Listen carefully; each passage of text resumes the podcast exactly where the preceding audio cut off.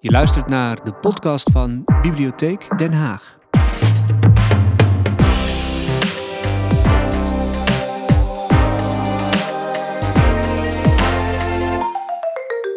Goedenavond, goedenavond allemaal. Hallo. Goedenavond, goedenavond. Goedenavond, hartelijk welkom bij de opening vanavond van de week van de Afrikaanse roman. Leuk dat u er bent. Uh, mijn naam is uh, Abdelkader uh, Benali. Ik ben schrijver en uh, programmamaker en heb een aantal seizoenen lang hier op deze plek een literaire talkshow mogen presenteren. Steeds met twee verschillende auteurs. Maar vanavond doen wij de overtreffende trap. Want we doen niet twee auteurs, maar we doen er één, twee, drie, vier, vijf plus twee muzikanten. Het wordt dus een echte bonte avond. Dus als u nog wat wilt drinken, om een beetje in de stemming te komen, dan moet u dat nu doen. Want het, gaat, het, gaat, het is veel en het is snel en het is heel mooi en heel bijzonder. Dat is namelijk omdat de Zuid-Afrikaanse literatuur heel spannend is, heel bijzonder. Ik mag die graag, ik, ik lees die graag. En ik vind daarbinnen weer de Afrikaanse literatuur nog bijzonderder. Ja, ja als, ik, als ik maar lang genoeg blijf praten, dan klinkt het Afrikaans. Goed zo, ja, baie goed. Ik uh, ben zelf een aantal keren in Zuid-Afrika geweest, in, in Durban, Cape Town, Stellenbosch, Johannesburg, Pretoria. Kaapstad. Kaapstad ook, ja. ja, ja dat, dat heb, ik, heb ik dat niet gezegd? Nee, je zei Cape Town. Ja, ja precies. Ja, Kaapstad, ja. Ja, ja Tafelberg. Ja, oké. En uh, het was geweldig, was geweldig. Ik heb daar schrijvers ontmoet en... Uh, een van de leukste dingen die ik ooit heb gedaan was samen met mijn vrouw. Mijn vrouw en ik hebben een kookboek geschreven over de Marokkaanse keuken. De Marokko ligt in het noorden van Afrika. Eigenlijk is Marokko Noord-Afrika en Zuid-Afrika is Zuid-Afrika. En uh, nou, ik, uh, ik, was uitgenodigd om met mijn vrouw een kookworkshop te geven in Stellenbosch op het Woordfeest. Ja, grote eer.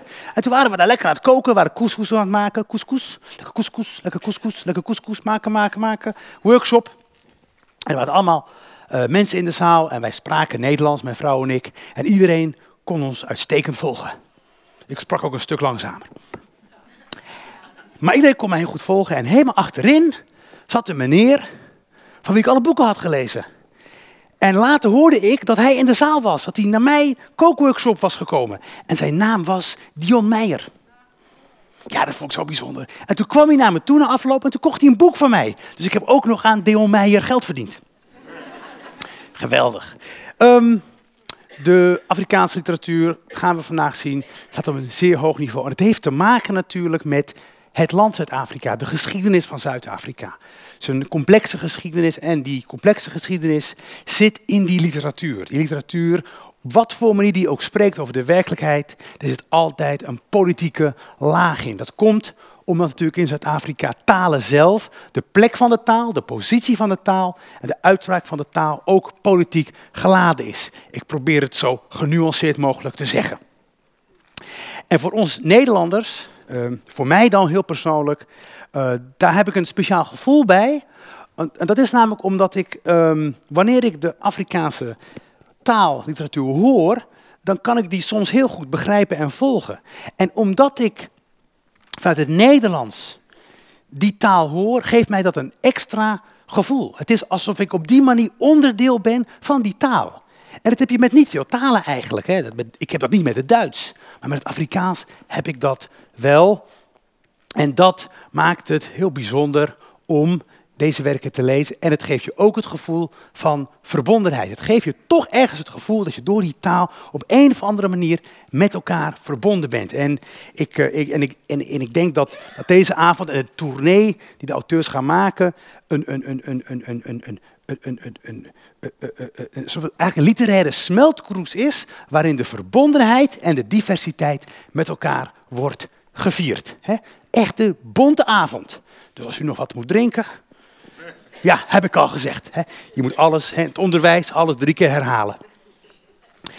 Um, voordat we van Aki gaan, voordat we gaan beginnen, um, um, wil ik eerst een heel bijzonder iemand vanuit haar functie en positie het woord geven. Het is de ehm, ambassadeur, haar excellentie van de ambassade van Zuid-Afrika in Den Haag. En zij wil graag ehm, even het woord nemen om u toe te spreken naar aanleiding van de Week van de Afrikaanse Roman. Geef haar hartelijk applaus. Haar excellentie Olita Lebello.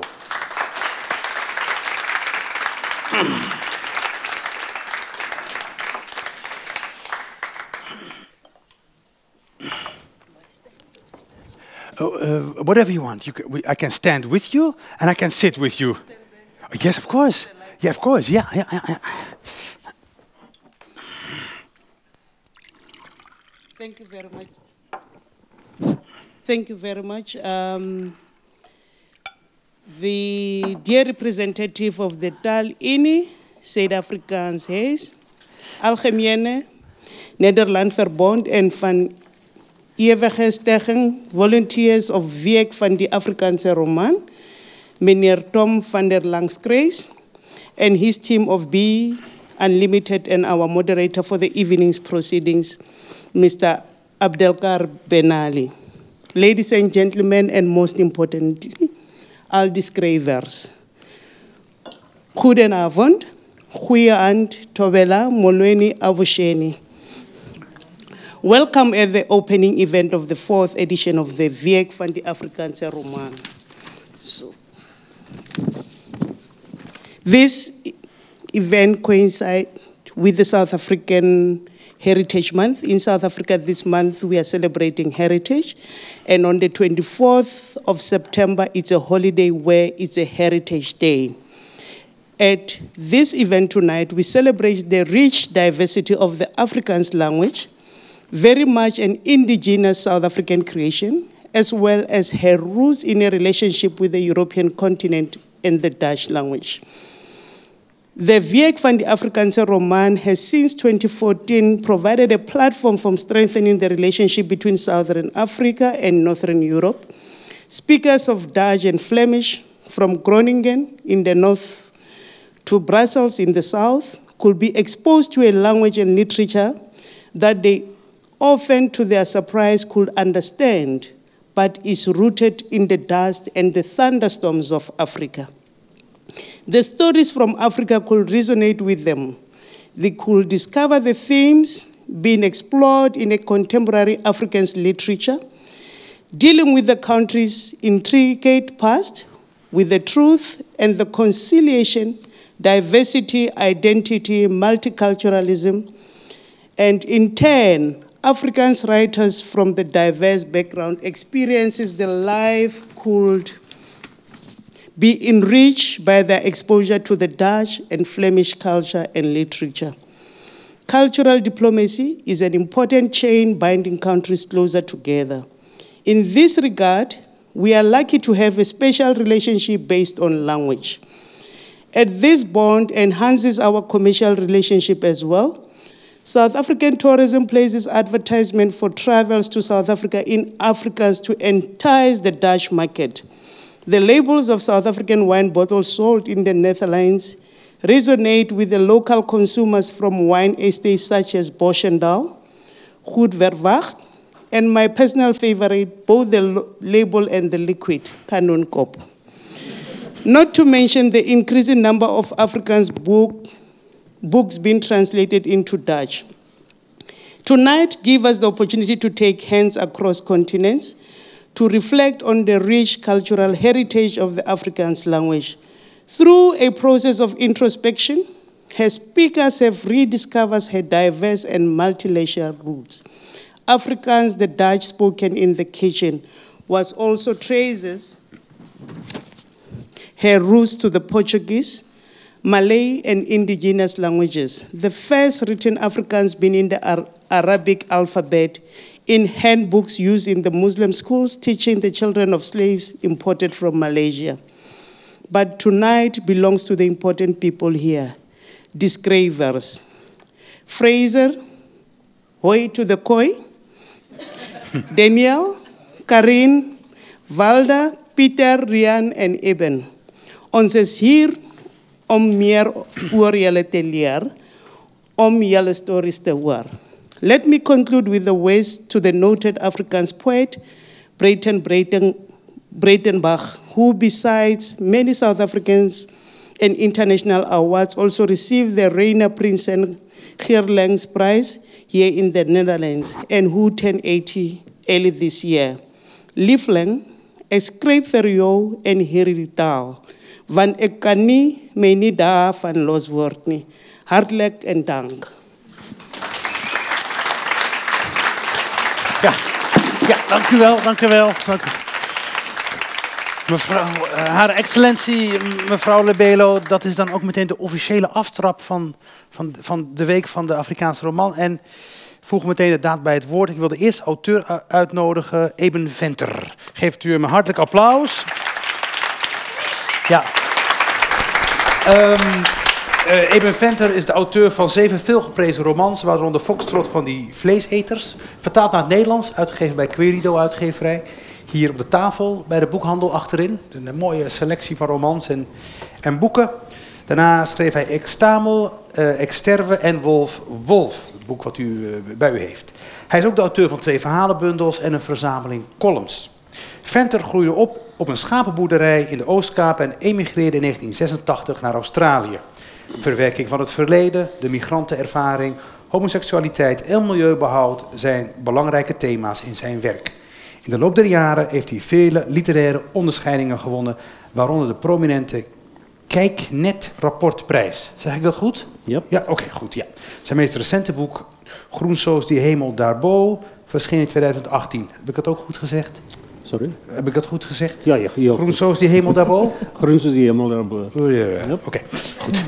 Bij dit boek hoort ook een fototentoonstelling die in de Verenigde Staten enthousiast is ontvangen. En waar u heel enthousiast zelf ook over bent. Maar we gaan beginnen bij het begin. In 1986 eh, komt uw eerste boek uit. Maar u besluit dan ook om, in, om Zuid-Afrika te verlaten. Meteen na, na het uitkomen van die verhalenbundel Wit Blitz. Yep. Waarom eigenlijk? Ehm, ja, in 1986 is die ehm, ehm, noodtoestand, de state of emergency, afgekondigd in ehm, Zuid-Afrika. En teen daai tyd sal ek sê het ek al 'n heel uh, volwasse, uh, krities politische, uh, politieke mentaliteit ontwikkel uh, veral in die uh, filosofieklas op 'n baie op 'n heel uh, konservatiewe uh, universiteit, uh, maar nogtans. Welke, waar was die universiteit? Dit was genoemd die uh, die Potchefstroomse Universiteit vir Christelike Hoër Oké. Onderwys. En, en waar zat het? Welke, Dit is Bloemfontein? dicht bij, nee, dicht bij Johannesburg. Oké. En thans is dit ehm Noordwes Universiteit en uh, ek dink een van die universiteite wat volgens my uh, die beste getransformeer het Oké. na ehm na die Oké, apartheidsjare. oké. Ja. U wordt politiek bewust in die tijd? Ja, ek word poli- en ehm toe het die uh, weermag my weer opgeroep om uh, diens te doen in die townships en ehm daar was geen enkele manier dat ek dit wou doen nie. Ja. En uh, my broer het op daai stadium ehm uh, makrobiotiese kafee gehad in Sydney en hy het my geborg. En dus het ek die geleentheid aangegryp om ehm uh, ja, het uh, emigreer. Bent u, En- bent u gevlucht voor de dienstplicht? Ehm ja, Kan je dat zo zeggen? Je zou het zo kunnen Gedeserteerd. Maar ook om, je, je weet, als ik achterna dan denk, nou, als ik terugkijk, dan uh, dit was eindelijk uh, 'n poging om vryheid aan myself te gun. Ja. Ook ehm om ehm in 'n land uh, soos Australië ehm ehm vrylik te kon Ja. terugkyk Ja, ja, uh, na Suid-Afrika want ek kon my nie ek kon my nooit losmaak van Ja. Suid-Afrika. Ek dink enigiemand wat in Suid-Afrika groot geword het, ehm dra die ganse geskiedenis en opvoeding so, uh, sleg en goed in homself of haarself as 'n soort van tekstuur.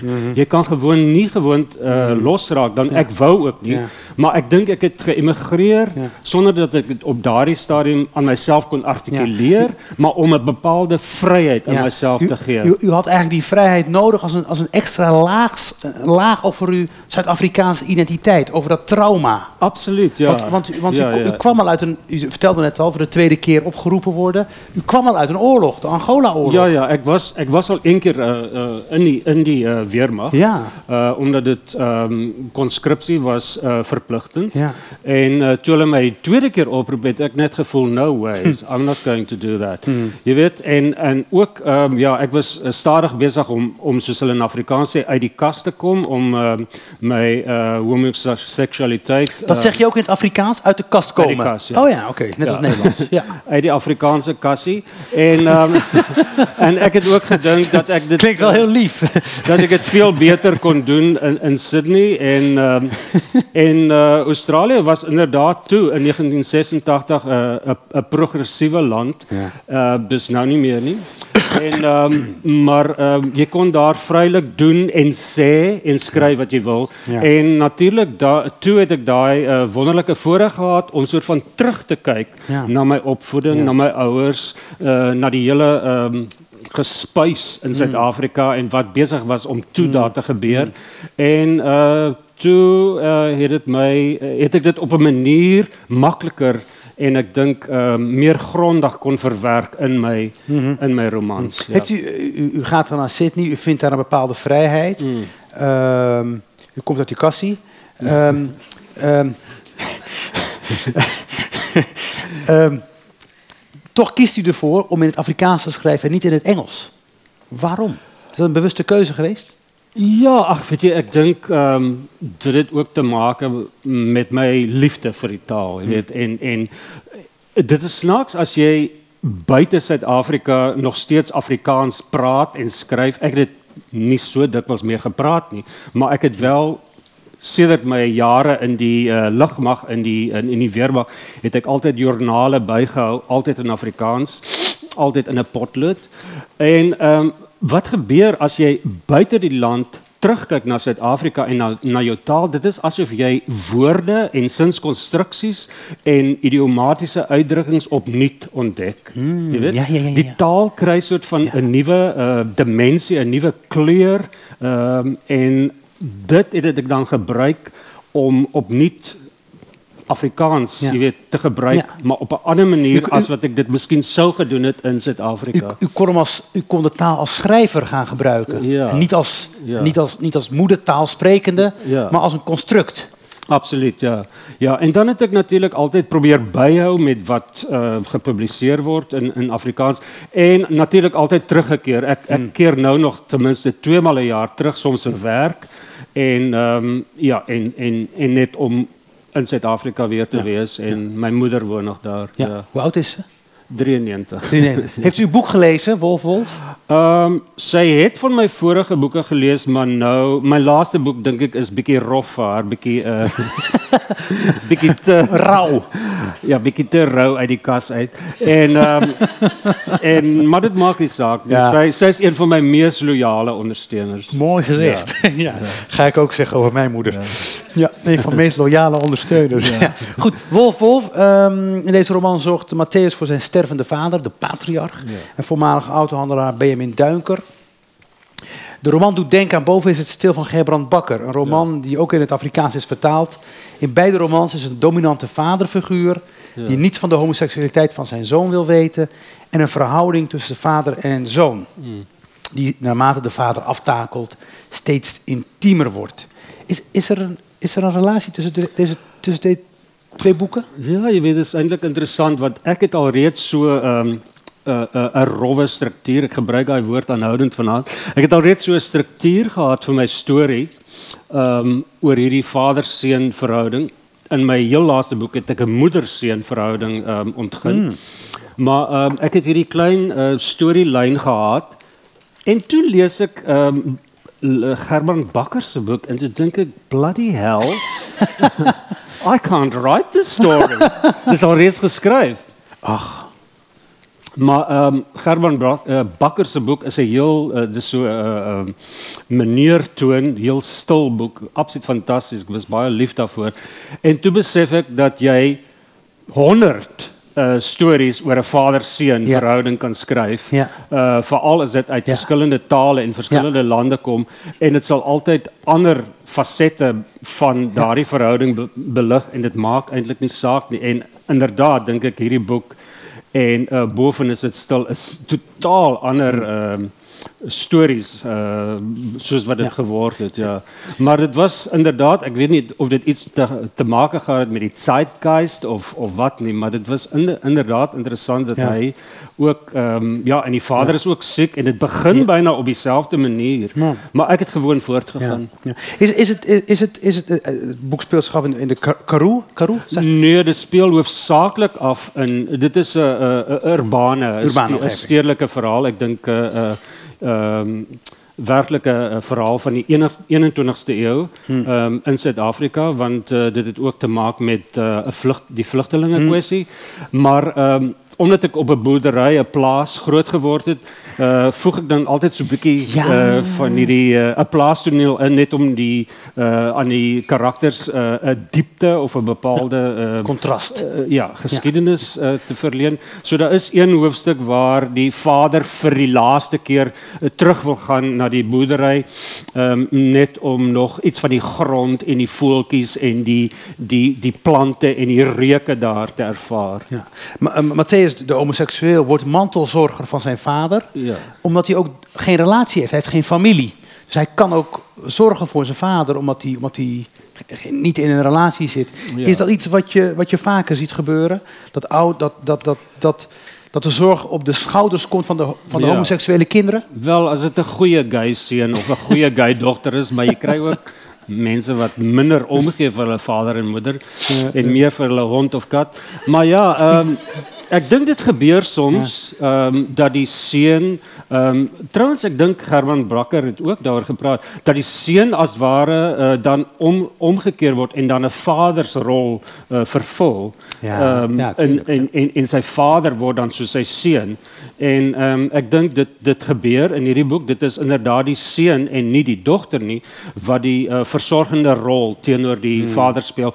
En die vader is ook alhoewel uh, Matthäus dit nie altyd so ervaar nie, is die vader eintlik ehm um, vreeslik lief vir vir Matthäus, jy weet. Mm. En alhoewel hy dit ook miskien nie so goed uitdruk nie, maar ek dink dit is daar, daardie ja. daardie deernis uh mm. vir uh, Matthäus ja. van die vader. Die vader is blind hè mm. en hy skryf dan vir hom op 'n ou Philips uh, tikmasjien uh in American typewriter skryf hy dan dan vir hom 'n uh, briewe en dit is dan sy manier mm. van direk kommunikeer mm. met uh Matthäus maar die die tragiek van die van die verhaal is dat Matteus nooit die briewe te sien kry nie. Ja. Die ja. leser lees ja, die ja, ja, briewe. Jy kan trouens hierdie boek koop daar agter. Ja, ja. goed so. Heel goed.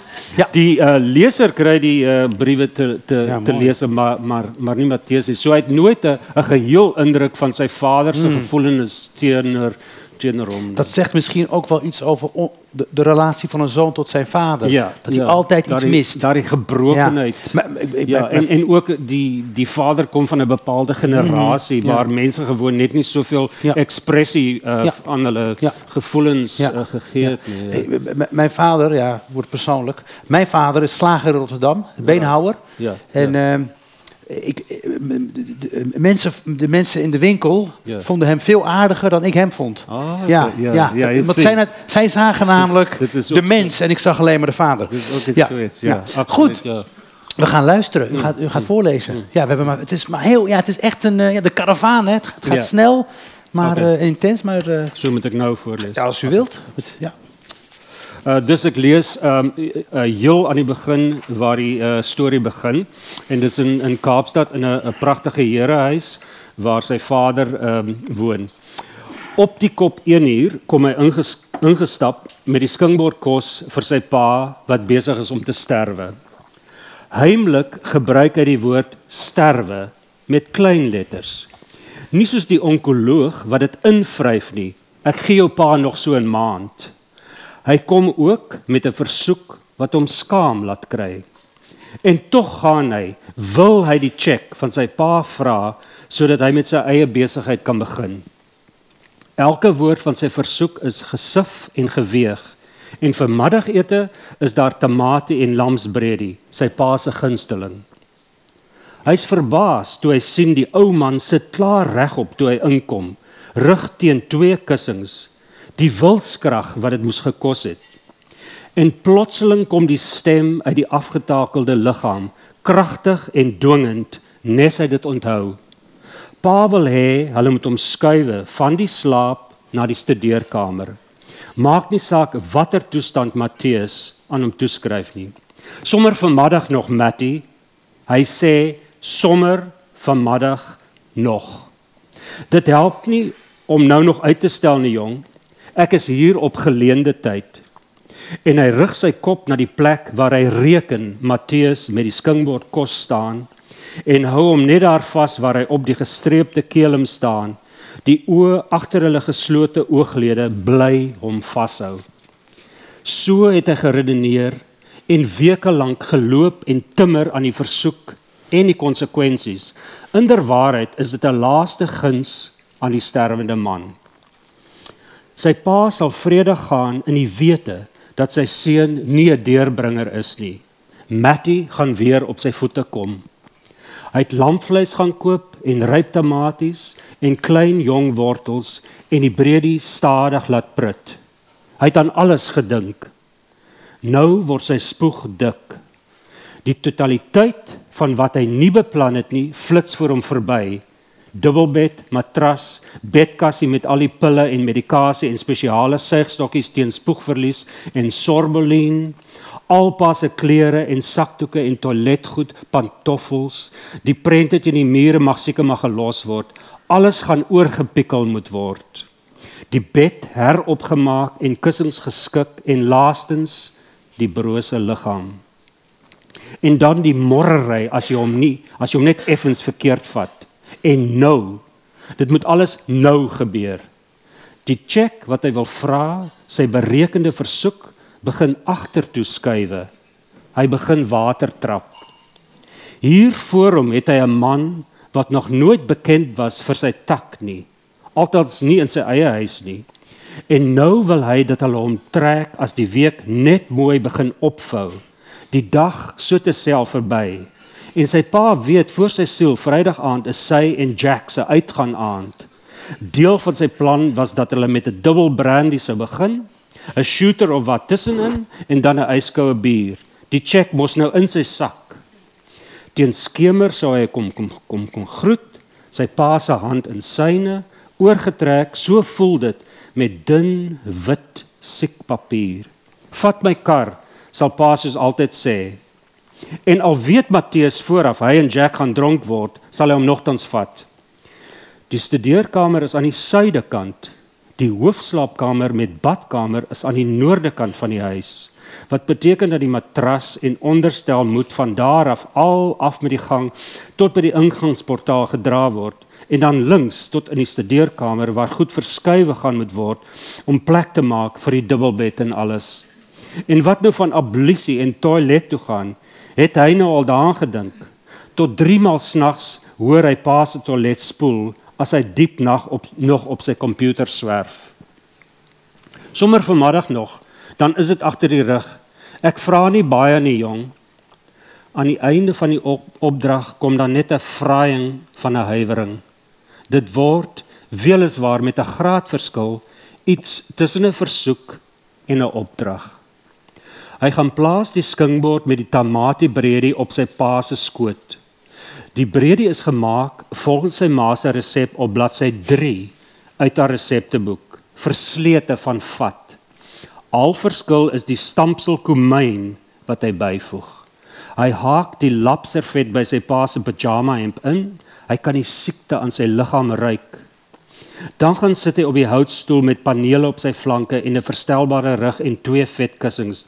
Die soort wat jy raakloop in Afrikanerhuise waar daar nog getraak word om iets van familiewe oor te hou. Die stoel sal, sal na sy suster gaan, wat oukei okay is. Hy kry die huis. Toe hy die fronsie sien kom, spring hy weer op en verstel die skingbord. Die breedie het geskommel en oranje rooi halfmaane gemaak al op die lip van die bord. Pa se hande fladder te gelykertyd nader met vingers wat oor die skingbord tas en hy snuffel om vas te stel waar is wat en wat is wat. Hmm. Dankjewel.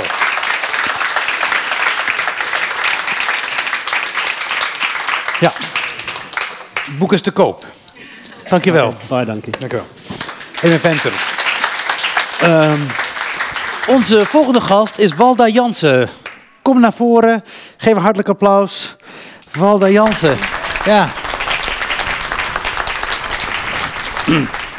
Walda Jansen is geboren in eh Aliwal Noord in de Oostkaap, maar groeide op in het kustplaatsje Strand. Vlakbij Gordons Bay, waar ik twee jaar geleden tijdens het Woordfeestfestival naartoe ben gereden met mijn dochter. Ik heb toen over die, die, die Gordons Bay, hebben ik heb mijn dochter in zee gegooid. En eh, nou de haaien deden niks, dus eh kom er nog wel een keer terug. Ze studeerde Duits aan de Universiteit van West-Kaapland en werkt als lerares Duits in Mitchells Plain.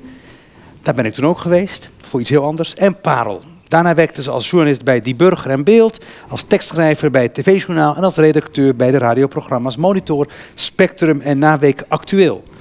Haar gedichten werden opgenomen in verschillende bloemlezingen en ze schreef zeven jaar lang een column voor Die Burger en Beeld. In 2016 verscheen haar debuutroman Hij komt met die schoenlappers, waarin de hoofdpersoon heen en weer geslingerd wordt tussen haar bruine gemeenschap in Zuid-Afrika en de witte wereld van haar Duitse geliefde.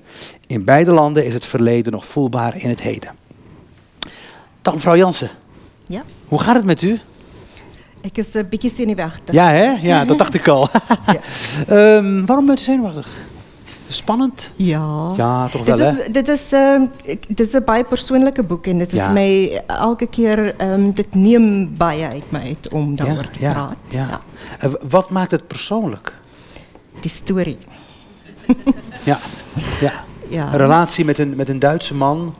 eh, die, die, die, uiteindelijk, uiteindelijk kiest ze niet voor hem. Ja, dit is, Is dat, is dat het, wat het persoonlijk maakt? Omdat het gaat over een, over een verloren liefde? Gaan oor ehm hoe 'n mens opgroei in in 'n in Suid-Afrika. Ehm in apartheid Suid-Afrika. Die kanse wat daar was en die kanse wat daar nie was nie. En dit is 'n moeilike eh, vraag om te beantwoord want mense vra gewoonlik eh, jy weet dit hulle hulle fikseer op hierdie ding van die hoofkarakter die vrou wat ehm um, teruggegaan het na Suid-Afrika. Ja. En dit is iets wat mense fascineer en hulle wil heeltyd by my weet maar wat en hoekom. Ja. En ehm dit is ook verwarrend omdat ek vir die hoofkarakter my eie naam gegee het. Maar daar's 'n rede eh, daarvoor gewees. Ehm die die vrou is in uh, op hierdie ehm reis in Duitsland dan waar sy haarself voorstel en dan uitvind dat mense skrik wanneer hulle haar sien want hulle het nog gehoor sy kom en haar naam gesien Walda Jansen en dan kom sy daar aan en hulle skrik toe hulle haar sien want hulle het gedink is 'n wit vrou Ja. Ja. En dit ehm uh, dit het met my- dis een van die goed wat met my gebeur het Ja. en dit is vir my ehm dit is dit het vir my laat nadink oor oor jy weet ehm hoe hoe hanteer 'n mens die situasie? Dit was toe dit met my gebeur was dit vir my nogal baie moeilik want ek verstaan wat hulle bedoel. Ja. Maar aan die ander kant eh, dit net vir jou weer voor die besef van uh, hierdie die die white gaze, né?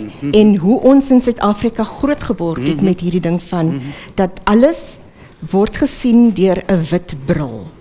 En die res die res van van die land en die res van die bevolking moet maar daarmee klaarkom. Moet zich daar maar aan onderwerpen. Ja. Eh, eh, waarom wilde u dan, nochtans, desondanks, toch dit, dit boek schrijven? Waarom was dat, is, dat, is dit uw antwoord op de white gaze? Waar komt, waar komt de inspiratie vandaan? Ek het baie lank geneem voor ek hierdie boek geskryf het. Dis ook een van die vrae seker wat daar wag. Ehm hm, maar ek was van kleins af baie lief vir skryf. Ehm Ek het ek was omtrent so um, op laerskool so 10 jaar oud of so toe ek begin skryf het en en gedigte geskryf het. En ek het dit geskryf sonder dat ek geweet het wat dit was wat ek doen. Want ek was in 'n gewone skool, dit was apartheid en ons is in aparte skole en jy, is mos maar nou in die skool naaste aan jou.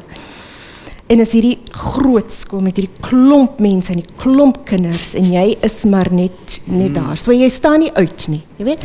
En mense is so besig met hulle eie lewe net om te oorleef. So nou is hierdie kind daar wat skryf, maar daar's niemand na wie toe jy kan gaan om om om daaroor te praat en en wat jou daarmee kan help nie. Ehm um, en toe ek ek het dit vir my ouers gewys en ehm um, hulle het dit so 'n bietjie verdra en verdaan verdaan toe het my pa later kwaad geword want hy het toe gedink dat ek dat ek jok dat dit nie ek was nie dat ek dit uit 'n ding uit 'n boek of 'n koerant geskryf het. En hy het toe gedreig dat hy my gaan slaan Nee. tot ek nou vir my waarheid vertel. En ek het hom in sy oë gekyk en vir hom gesê jy kan my maar slaan maar dit is my woorde en ek het dit geskryf en dit het hom so getref dat hy toe besef het wat dit was wat hy doen maar die die impak wat dit op my gehad het het dit vir my dit het vir my heeltemal ehm um, dit het vir my in my onderbewussyn die ding gegee van my woorde is nie belangrik nie. En ek het toe my woorde weggebere. En jare lank dit nie meer gedoen nie. En baie jare lank dit onderdruk. En aangegaan met my lewe, maar die begeerte om te skryf het toe uiteindelik net het net sterker en sterker en sterker geword. Ek het gaan ja. Wa- Was, was het schrijven van het boek dan ook een, een verlossing voor u? Voelde, kon u, kon u? Was u trots op het boek of werd, u- werd u gelukkig van het schrijven van het boek? Ehm ek word baie gevra of ek uh, voel ek baie mense het my net na die boek verskyn het gevra, uh, voel jy nou beter nou dat jy die boek geskryf het? Nee, ek voel nie beter nie. Dit is 'n boek wat moes geskryf word. Dit dis 'n boek wat daar moes gewees het. Ek het byvoorbeeld ek verduidelik dit gewoonlik so die die die die ehm die ding wat my uiteindelik gedryf het daartoe om regtig te gaan sit en die boek te skryf was ek het baie lank ehm um, gevoel dat ek wanneer ek in 'n boekwinkel staan dan soek ek 'n sekere boek. Hmm. En ek kon dit net nooit hmm. né? En ek is verskriklik lief vir Afrikaans en verskriklik lief vir vir lees en en koop altyd boeke oor hmm. al die jare. Ja. Maar en veral toe ek nou ehm um, 'n tyd gelede uit Johannesburg uit Kaapstad toe getrek het. Ehm um, toe was ek nou weer terug in die milieu waarin ek groot geword het. En en en dit dink ek was so die die katalisator. En toe ek in die boekwinkels gaan en toe soek ek en ek dink, maar hoekom kry ek nie 'n boek wat wat ek nou wil Ja. lees nie? Toe het ek die toe, bes, toe ek begin besef dat ek soek 'n sekere boek en ek gaan dit nie daar kry in daai rakke nie, so ek gaan dit moet skryf. En dit was my dryfkrag geweest. Dit was die dryfveer geweest vir die vir die skryf van hierdie boek. Nog één vraag voordat ik u vraag om, om, om voor te lezen. Eh, eh, het, boek heeft een, eh, heeft een prijs gekregen, de Jan, Jan Rabi-prijs. Ja, Jan Rabie rapportprys vir ja, debuutromans. Ja, voor een debuutroman. Ehm, en daar heeft u gezegd dat de apartheid uw boerenoorlog is. ja. Wat bedoelt u daarmee? Presies wat dit sê. Oké, duidelijk. Ja, goed. ja, Ehm um, ek is daai aand ek het uh um ek was deel van 'n groep mense wat uh, wat wat die nuwe fiksie boeke gelees het daai jaar. En ehm um, dit het my toe opgeval dat baie van die boeke wat ehm um, kyk al die boeke, die meeste van die boeke is in elk geval deur wit skrywers, né? In Afrikaans is dit wit skrywers. Maar onder daai klomp nie fiksieboeke was was daar 'n taamlike klomp oor die Anglo-Boereoorlog. Hmm. Wat fyn is. Ek het Ja. nie 'n probleem daarmee Ja. nie. Maar wat my toe getref het is dat die boere die An- Anglo-Boereoorlog het reeds so lank gelede gebeur. En dat dit nog steeds so 'n impak het op mense se lewe dat hulle vandag nog sit en nie fiksie skryf daaroor, navorsing doen en dikke boeke skryf oor die Anglo-Boereoorlog mm. en dit is goed so. Mm -hmm. En toe het ek besef maar dit is hoe hoe dit dit is hoe dit vir my is wanneer ek skryf, dan is dit die een ding wat vir my die grootste impak op my lewe gehad het was -hmm. apartheid in Suid-Afrika om onder apartheid groot te word in Suid-Afrika. Né? Want alles wat met my gebeur het in my lewe is uh, dit is ingegee ja. deur die stelsel sonder dit was nie ek wat dit gekies het nie. Né? En dit is wat ek wat ek daarin weergee. En dit is vir my ehm um, uh dit is vir my vreemd vandat ek dit gesê het is daar belangstelling in daai sin. Hmm. En dan wil mense gewoonlik vra hulle gewoonlik vir my om dit te verklaar of te verduidelik. En ek voel dit het nie verklaring nodig nie. In die eerste plek en in die tweede plek is daar ook ehm um, is daar is daar verskillende reaksies. Die eerste reaksie is dat daar 'n stilte is. Hmm. Né? Ehm um, ek het nou iets gesê apartheid en Anglo-Boereoorlog. So dan moet nou 'n reaksie kom van die wit gemeenskap, van ander wit. En dit is nie daar nie. Aan die een kant en aan die ander kant is daar weer ehm um, is daar weer die die die die heeltemal die teenoorgestelde waar mense jou dan aanval en sê hmm. ja, maar jy vergeet van apartheid en die rede hoekom ek daai sin gesê het was juis omdat daar baie mense was wat vir my gesê het hoekom skryf jy oor apartheid? Jy moet vergeet, dit is verby, dit is in die verlede. Ons gaan nou aan ons vergeet. Nee, hier skryf julle mag dan skryf oor die Anglo-Boereoorlog, maar hele self, dieselfde mense wat dit sê, wil vir my sê ek mag nie oor apartheid skryf nie, né? Jy het miskien reg om dit te doen nie, né? Dit is my land. Dit is my taal en dit is my verlede. En, en ik ga het hanteer zoals ik dit wil doen. Mooi. Mag ik u, ja, ik, we zouden nog uren kunnen praten. Ja, u, heeft uw dochter, u heeft uw dochter ook mee. Eh, dat is ook, vind, ik zo, vind ik ook heel prachtig. Want ik, ik voel daarin ook dat, u, dat de jonge generatie dit verhaal ook moet kennen. Ja. Wilt u een stukje voorlezen? Gaan we naar u luisteren. Goed. Ja, die boek is geschreven um, in zulke... Die, um, so julle in die begin van die storie um, word dit ook gesê dat ehm um, dat die die vrou kyk so terug op haar lewe en haar lewe, sy sien die lewe as um, verskillende momente, né? Wanneer 'n mens terugkyk op jou lewe, dan dink jy aan daar seker goed wat uitstaan en die boek is so geskryf in sulke stukkies, baie dankie. In sulke stukkies van herinneringe en van onthou, dit wat uitstaan. Goed. So.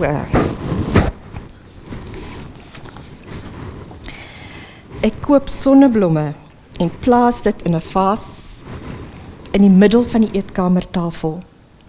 Soos die son in die oggend by die kombuisvenster inskyn, so draai die koppies in aanbidding al met die draai van die dag langs tot laat namiddag wanneer die son agter die slaapkamer verdwyn.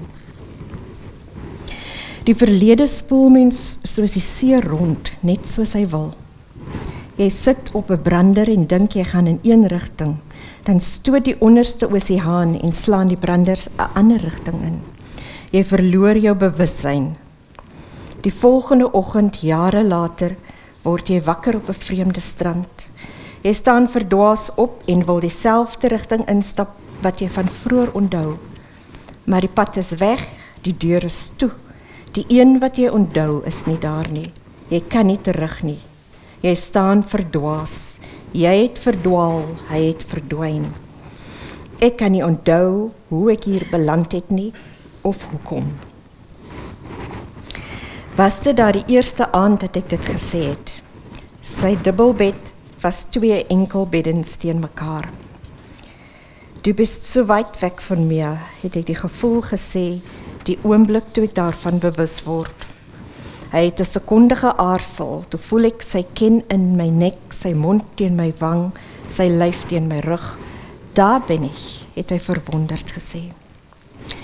Eers na my kind se geboorte het ek liefdeswoorde leer sê as ek by jou gebly het. Toe die jaar van waarheid aanbreek, het ek my klere ingepak en weggevlieg. Hoe waar is die waarheid? Daar was minstens een man wat nie kalkop die waarheid wil praat nie. Daar is minstens een man wat nie kalkop die waarheid wil praat nie. Die mense wat agter die waarheid wil kom, vra vir die generaals: "Wie het die opdrag gegee?" Die generaal sit met uitdrukkinglose gesigte. Wie weet? Die generaals fluister in mekaar se ore, by die een oor in en die ander oor in. Die woord kom verwronge by my pa uit. Neutraliseer my vrou, elimineer my kind. Ek het altyd by water verbygehou ter wille van oorlewing. Ek vind geen kalmte by die see nie. Al gewaarwording as ek by die see is, is 'n holkol op my maag, 'n afwagting, 'n vrees dat iets verskrikliks gaan gebeur. Mense sê die eb en vloed, die kom en gaan van die branders, die innerlike stilte wat oor jou kom as jy dit dophou maak mens rustig. Weet hulle dan niks nie. In sy laaste kriptiese eposse aan my vertel hy dat hy weer siek was, ziemlich aan boden en dat hy die vorige week see toe was aan die Noordseekuste so 'n erholung. Noordsee toe om gesonde seelig in te asem. Ek verstaan die idee van vars lug by die see. Intellektueel verstaan ek dit. Maar die lug by die see dra vir my tot vandag toe iets anders. Dit maak in my wakker soos destyds 'n soeke na troos. Ek lees in die foto wat hy in sy heel laaste epos aanheg, die weerloosheid in sy moe lyf.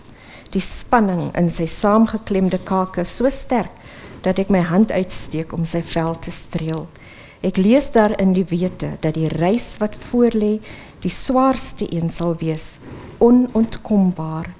My hand stuit op die iPad skerm. Ek was 'n kind. Een aand sit my pa sy hand agter my nek en tel my so in die lug op. Hy het terselfdertyd dieselfde met my broer gedoen. Sy ander hand aan die agterkant van sy nek vasgeklem. Ek het gevoel ek verloor my asem en ek het geweet ek moet my nie teesit nie. Ek het net so stil in die lug gehang met my voete wat nie grond raak nie. Hoog in die lug met sy styf geklemde vingers agter my. Wat as hulle sou wou my net so in die lug kon loslaat, dan sou ek vry wees. Ek hap na asem. Die eerste keer dat ek onder water was, was op pad na die dood, maar dit moes diep onder gewees het. Daar was geen geluid nie, geen klank nie, geen sout nie en niks wat saak maak nie, net 'n onbekende woord. Ek Google jou, maar jy bly dood. Jou naam is in die internet. Ek vind jou naam en sien daar is 'n foto, 'n geboortedatum, 'n sterfdatum al my pogings om op jou spore terug te loop. Wat gaan ek kry? Jy is nie daar nie. Ek hoor jou stem.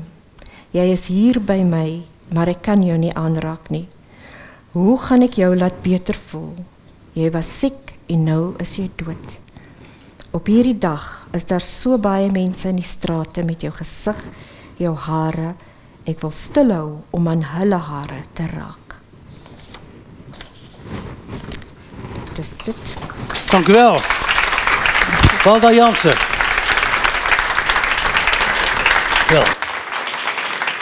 Ja, we gaan nu eh, meteen door. Meteen door met moppie muziek. Moppie muziek, dames en heren. We hebben hier eh, twee geweldige artiesten. Fraser en Daniel Barry. Geef, oh, Barry, zeg ik dat goed? Geef ze hartelijk applaus. Van Tribal Echo. Trib, triba, tribal Echo. Tribal Echo, ja. Hey. eh Fraser, jij bent... ehm, in het na. Jij bent een zanger, kletsrijmer en multi-instrumentalist. Je bent de frontman van de cliprock-formatie Trouble Echo met je, met je echtgenote. Die hiernaast zit. Hallo. Goedenavond, mevrouw. Ehm, wat, is, wat is cliprock? Wat, wat, wat is clip, clipkop? Clipkop. Rock. Ja, ons het uh, in ons 'n band, is so 17 jaar bymekaar. Ja. Toe ons band begin het, het die media gesukkel om ons te plaas. Ja, En hulle wou ons in 'n genre sit en dan kom hulle elke dag, "Wat noem julle julle musiek?" ja. want ehm um, die variasie is verskriklik groot.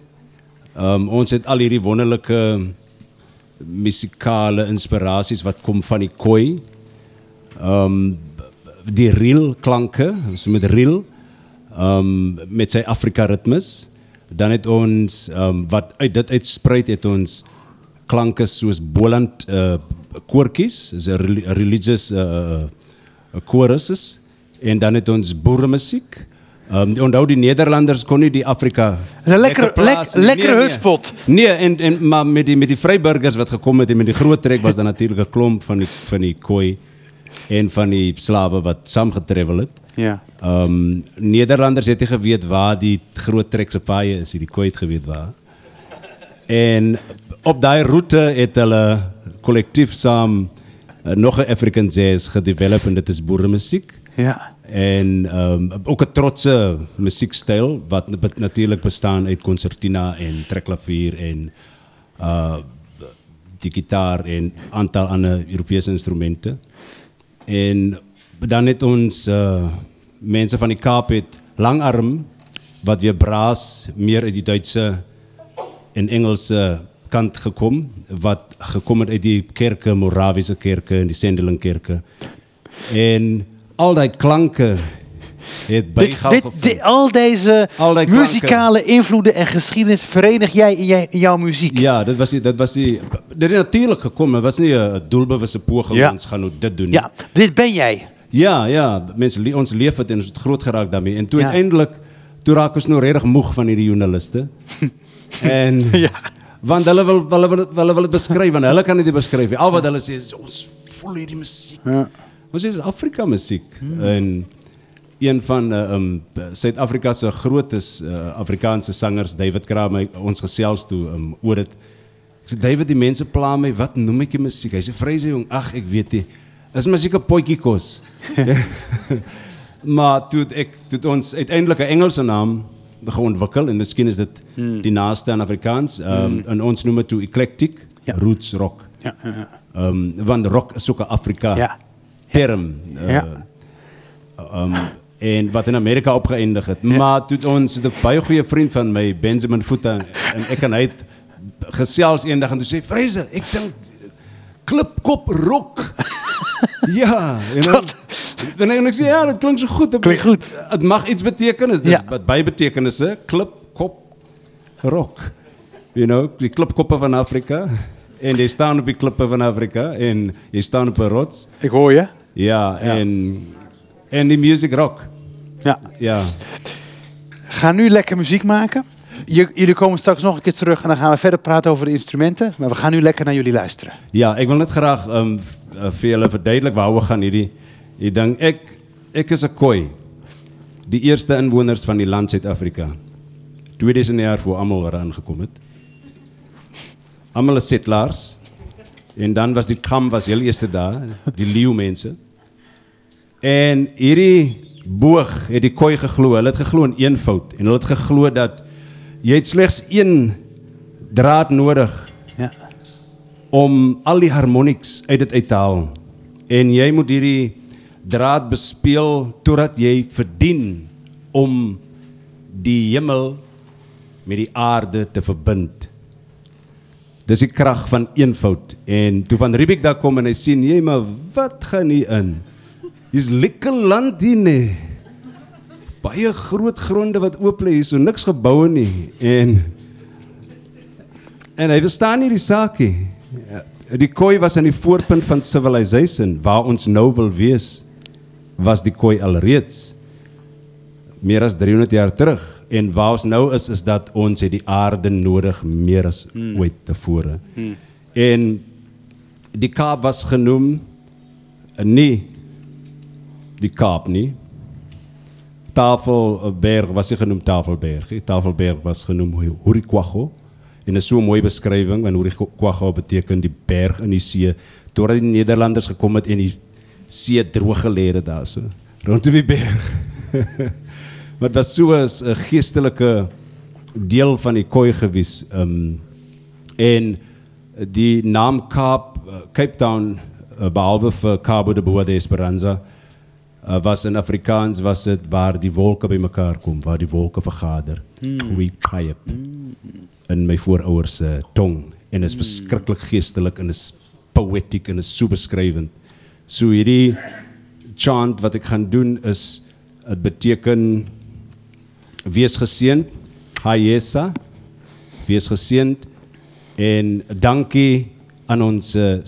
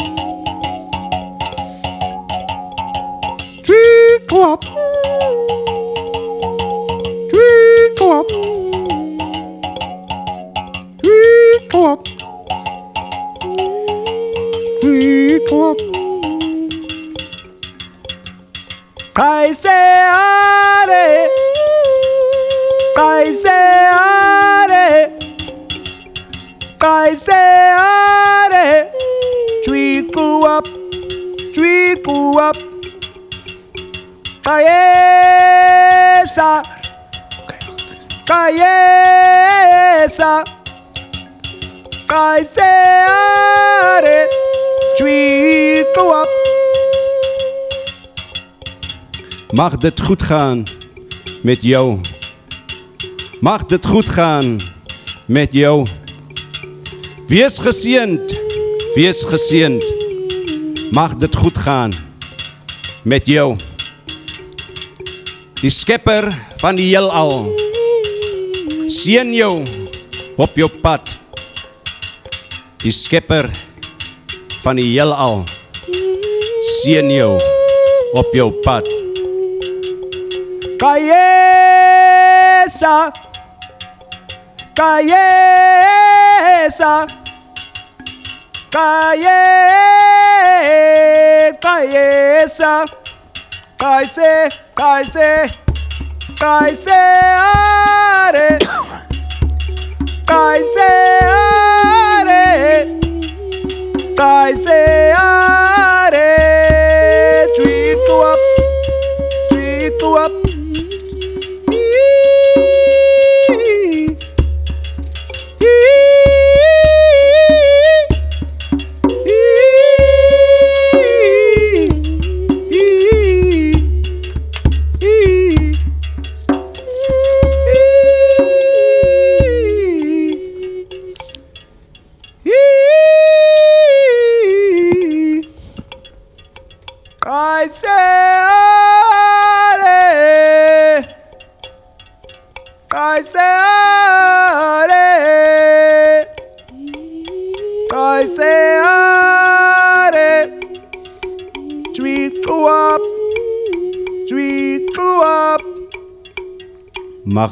gaan met ons.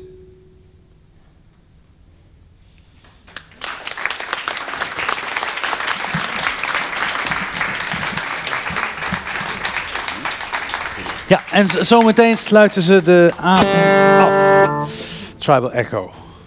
Tot zometeen. We gaan meteen snel door met een dichter. Zijn naam is Peter Odentaal. En ik, eh, ik, ik, ik vraag hem om naar voren te komen. Geef een hartelijk applaus. Ehm Pieter Odentaal, ehm, je bent dichter, vertaler, je bent uitgever, je bent producent, je bent directeur van InSync Poetry, een organisatie die zich toelegt op de uitbreiding van meertalige poëzieplatforms in Stellenbosch en Kaapstad. Je studeerde duurzame ontwikkeling en je werkt nu aan de Queensland University of Technology in Brisbane. Dat, dat is ook Australië, hè? Ja, wat moeten jullie, wat moeten jullie Zuid-Afrikanen allemaal in Zuid-Australië? maar goed, dat is misschien iets eh, om een gedicht over te schrijven. Eh, je werkt er aan een proefschrift over spoken word als een manier om tolerantie in sociaal-ecologische sy- systemen te bevorderen. Gaan we het ook een keer over hebben. Andere keer. En in 2018, vorig jaar, verscheen jouw debuutbundel Alsof geen berg ooit hier gewoon het niet. Kan je mij uitleggen, als domme Hollander, wat die titel betekent? Wel, dit het, ehm is hierdie ding aan? Ek dink nie so nie. Daar sê daar. Hallo almal.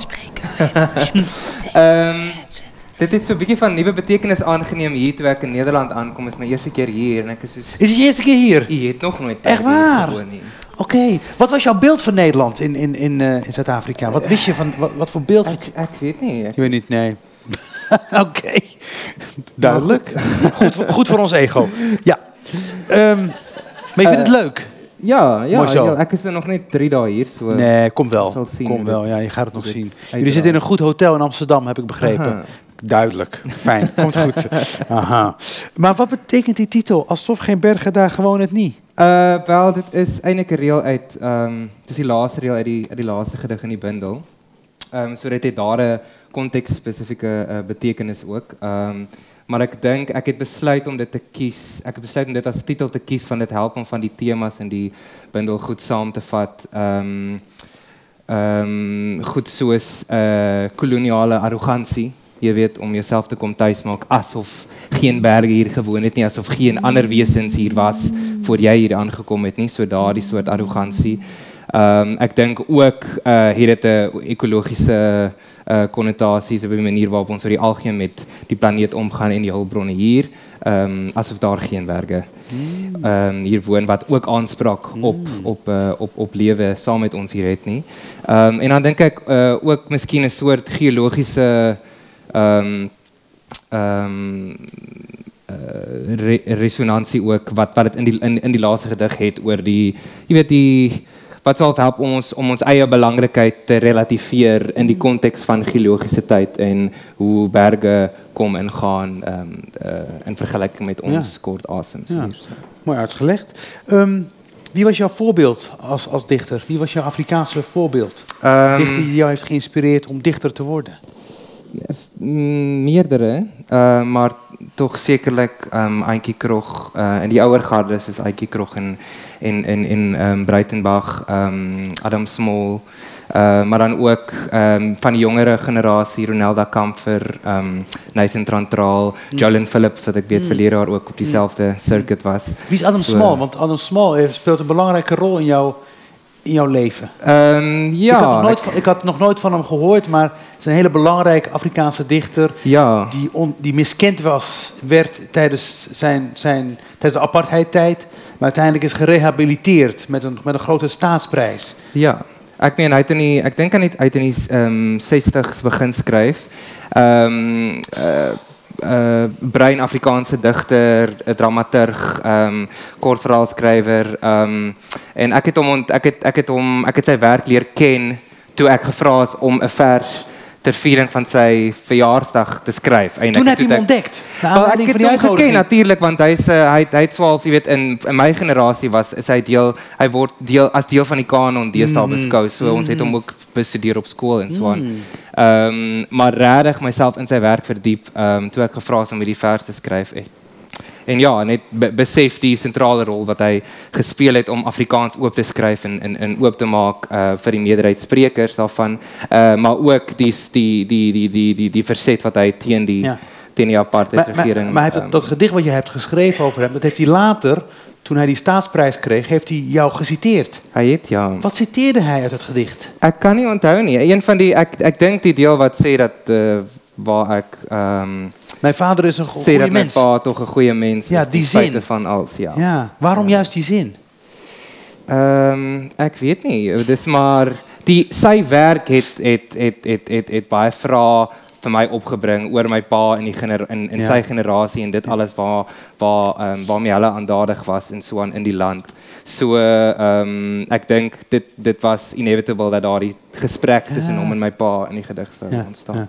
Ehm, je, doet iets heel, je doet iets heel interessants in Stellenbosch. Je, je, je, je had poëzieavonden in de, in de townships. Ik ben in Stellenbosch geweest. En wat mij opviel was het, het, het hele rijke, eh, eh, eh, wi- witte, opulente centrum... met de goede restaurants, de goede wijnen. En dan had je die townships eromheen. En het contrast was best wel, nou, ik vond het best wel groot. En jij hebt besloten om in die townships aan poetry readings te doen. Wa- waarom eigenlijk? Ehm want ek het ook op Stellenbosch toe ek nou begin studeer en en so aan saam met my vriende gevoel dat daar is nie daar's 'n gebrek aan 'n inklusiewe ruimte vir uitdrukking op Stellenbosch gewees ook wat uh, veeltaligheid aanbetref en, Hmm. en en so aan. Ehm en toe tog besluit om as 'n soort counter jy weet tot die wit sentrum ehm dit dan tog op Kaimandi te Hoe was de ontvangst in townships? Hoe, vonden ze dat? Baie goed. Ek meen dit dit was great. Ek dink daardie aande wat ons daar ons het dit vir so 5 jaar lank omtrent maandeliks uh wat ons dit gedoen het. Um, en dit het daar's regtig 'n sin van van gemeenskap dink ek ontstaan ehm um, rondom jong jong mense uit die township, uit die uit die universiteit en daaruit het ook werkswinkels gevloei uh om om saam te skryf en saam te skep en slams en al die tipe van goed. Oké. So so ja, ek dink dit was tog wel 'n heel uh spesiale ontmoeting van stemme. Mooi. Wil je nu voor ons slammen? Aan jou het podium. Ga je gang. Uh, Ja, je gaat voor, kan je slammen en kan je een beetje voordragen? Wel, dit eh, dit wat jy wat jy verstaan onder slam en podium poesie en al die tipe van terme, jy weet. ja. Uh nou vir 'n Ja, maar- Ja, nou ja, gewoon, PhD-student om gewoon ouderwetse slam. Gewoon eh, old school slam. ja, Dat is wat ik wil. Eh, Eh, Naturel. Ja, Ja, ek, ek, Veel zout. om die waarheid te is ek ek verkies om slams te reël eerder as self deel te. Oké. Dit is te veel stres Oké, en spanning. Ga je gang. Ehm maar goed. Ehm Is dit nou wat sien is dit wat ja. Die aand toe die see gesing het. And the water restless wishes it could spew all of the slaves and ships onto shore. Kuleka Putuma. Ek lê half wakker, half dronk teen 'n duin op Blouberg strand. Die stad dryf nes fosfor op die see. Die berg is uit die nag geknip. Borrels kondig hulle terugkom soos 'n crescendo aan. Koppe verskyn boeie bo die golwe tussen my en die eiland. 'n Skare reis uit die see, 'n akwatiese koor wat asem skep. Senzeni na gorrel hulle uit hul strotte uit. Die maan wit en half soos die waarheid oor hoe die wêreld nog altyd was. Ons verswelg mekaar, die grond krioel van ons, die aarde sweet geweld. Hulle kom aangeskuifel oor die skulpe in die nag wat nie kleur ken nie. Generasies stilgemaaktes al die pad terug tot by Oud Shomao.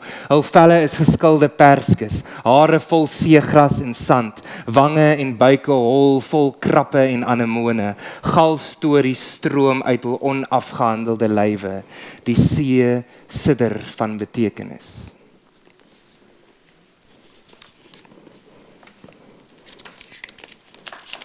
Julle mag maar hande klap as julle iets gevoel het. Julle is baie ordentlik. Ehm Goed, uh hierdie dan 'n uh, meer onlangse gedig as die, wat nou as deel van hierdie uh, PhD uh, projek geskryf is.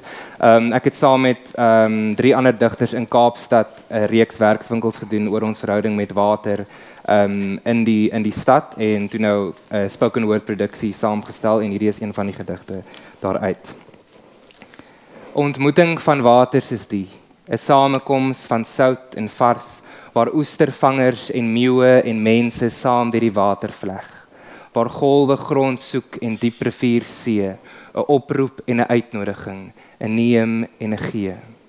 Tafelbaai lê soos 'n tuiste tussen my en die berg. Die stadskom blom afsyde geboue wat niks van die water wil weet nie, maar die see is min gedraak. Sy het almal hierheen gebring en sal almal weer terugneem.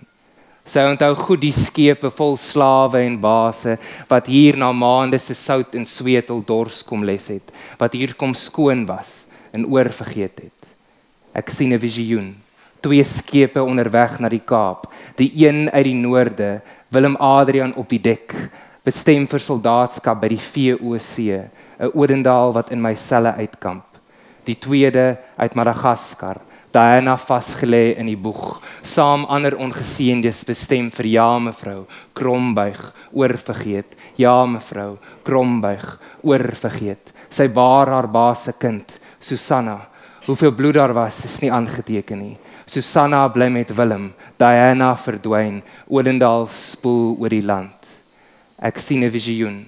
Willem en Diana op aparte skepe, aparte vryhede, aparte leed saam op dieselfde see wat ruim genoeg vir albei is, al nader aan hul ongelyke ontmoeting, dieselfde baai wat hul oop arm inwag, dieselfde golwe wat almal ewe uitspoeg. 'n Ontmoeting van waters is die, 'n samekoms van sout en vars, waar oestervangers en meeue en mense soos ek saam deur die water vleg en gevleg word, waar golwe grond soek en diep rivier see, 'n oproep en 'n uitnodiging, 'n neem en 'n gee.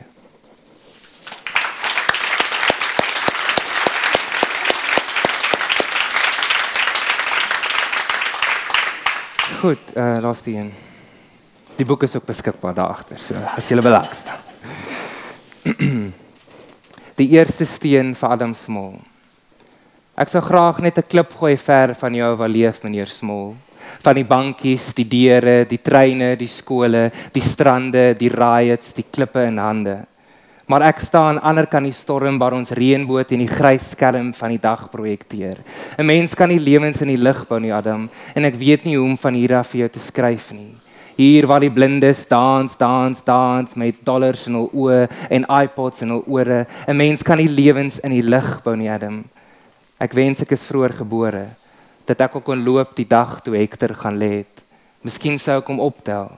Miskien sou ek ook saam cowboys en kroeg speel. Maar my hande is nog altyd te klein gewees om klippe te gooi. Al stoei my pa se bloed in my en al was my oupa in die senaat. Hy is dood die jaar toe my pa begin skiet het. My pa is 'n goeie man, meneer Small. Al praat slegs sy oë oor die grens en al drink hy soms te veel. Hy's 'n goeie man, meneer Smol. Al skree hy soms op taksies en al was hy en sy God maar oukei okay met alles gewees. Hy's 'n goeie man, meneer Smol. En ek hoop dat ek eendag skroomloos langs sy graf kan staan en huil. Dankie. Peter Odendaal. Hou hem in de gaten. Hou hem in de gaten. Ja, ja als je... Goed, en nu, uh, nu de, de, laatste twee auteurs van deze avond.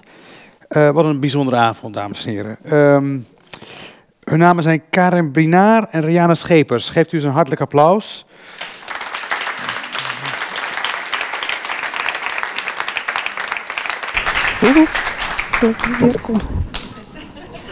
Ja. Hallo. Goeiedag. Hoi. Goedenavond. Hoi. Dag. Hoi.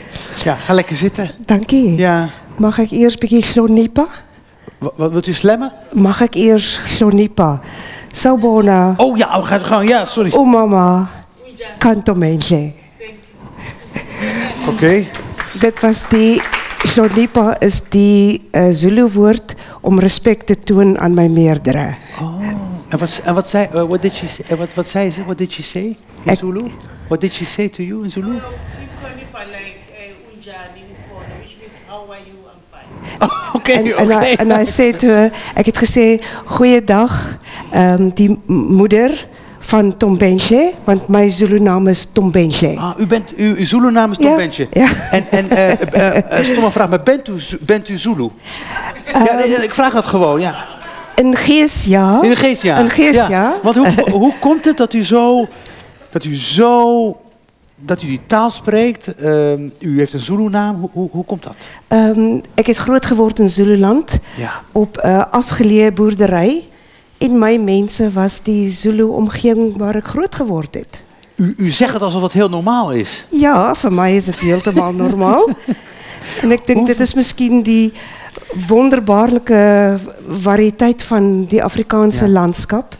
Ja. Um, ik heb normaal groot geworden met normale mensen, mijn mensen. Kunt u dat eerste contact beschrijven? De eerste keer dat u Zulu vrouw of man, hoe ging dat? vir my was daar nie 'n eerste keer nie want ek het opgegroei. je bent gewoon echt opgegroeid. Uh, ja, daar was geen verskil nie. My Zulu ouma se naam was Juba. So ek was hierdie fantasties, ek het hierdie ongelooflike ervaring gehad. Ek het drie oumas gehad. Ek het ouma Wilhelmina gehad, vernoem na die Britse ag die die Nederlandse koningin. Ek het my ouma Johanna gehad en ek het ouma Ugogo Juba gehad. Ja. So dit was dit Ja. was my Ja, grootouders. ja. Wat heeft u, ja, ik, ik ga toch allemaal hele stomme Hollandse vragen stellen. Ehm, om het, om, en, u, u, en u geeft er een slinger aan. Ehm, wat heeft u van de Zulu-cultuur meegekregen? Alles.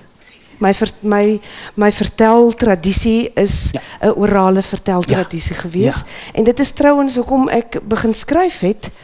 Want op 'n gegeewe moment ehm nadat ek 'n universitaire opleiding gehad het, ehm ek het al van kleins af geskryf, maar op 'n gegeewe moment het ek besef ek is die enigste mens in die wêreld waarvan ek weet wat 'n ora die ehm die, die orale verteltradisie van die Zulu kultuur beleef het as ook die westerse ehm kultuur historiese eh, v- v- verteltradisie van van die westerling. Ja. En op 'n gegeewe moment ek net gesê dit is 'n fantastiese botsing van kulture en gegewe Ja.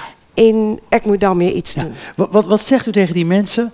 Vergeef me. Die, we hebben dus een discussie in Nederland over culturele appropriatie. Ja. Ja, duidelijk. Ik- u, ja, precies.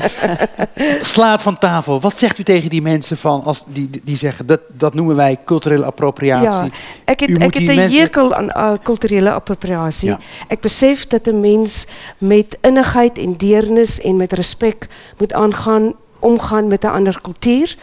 Maar 'n skrywer is altyd 'n rebel. 'n Skrywer moet abstraheer. 'n Skrywer kan tog nie in sy eie beperkte klein omgewing kuns skep nie, want dan word dit so Ja. vervelig en so sonder dimensie. So ek sal altyd buite my kulturele grense wil tree en al maak ek foute, want ek is 'n mens en ek maak ook, ook kunstenaars maak foute. Maar goeie kuns was nog nooit sonder spanning nie. En goeie kuns het altyd die grense verwyder. So ek het 'n ontsettende hekel aan veilige en um aan veilige kuns. Ja. Laat ek het baie foute, maar laat ek nooit dat daar van my gesê word dat ek 'n veilige skrywer is nie. Dit is ek nie. Duidelijk. U, u, bent, u bent, ja, prachtig. Ehm, u, bent, u, bent, u bent deel van die, wat ze noemen, een golf van vrouwelijke auteurs die min of meer gelijktijdig doorbraken in de jaren negentig. Marlene van Niekerk, Marita van der Vijver.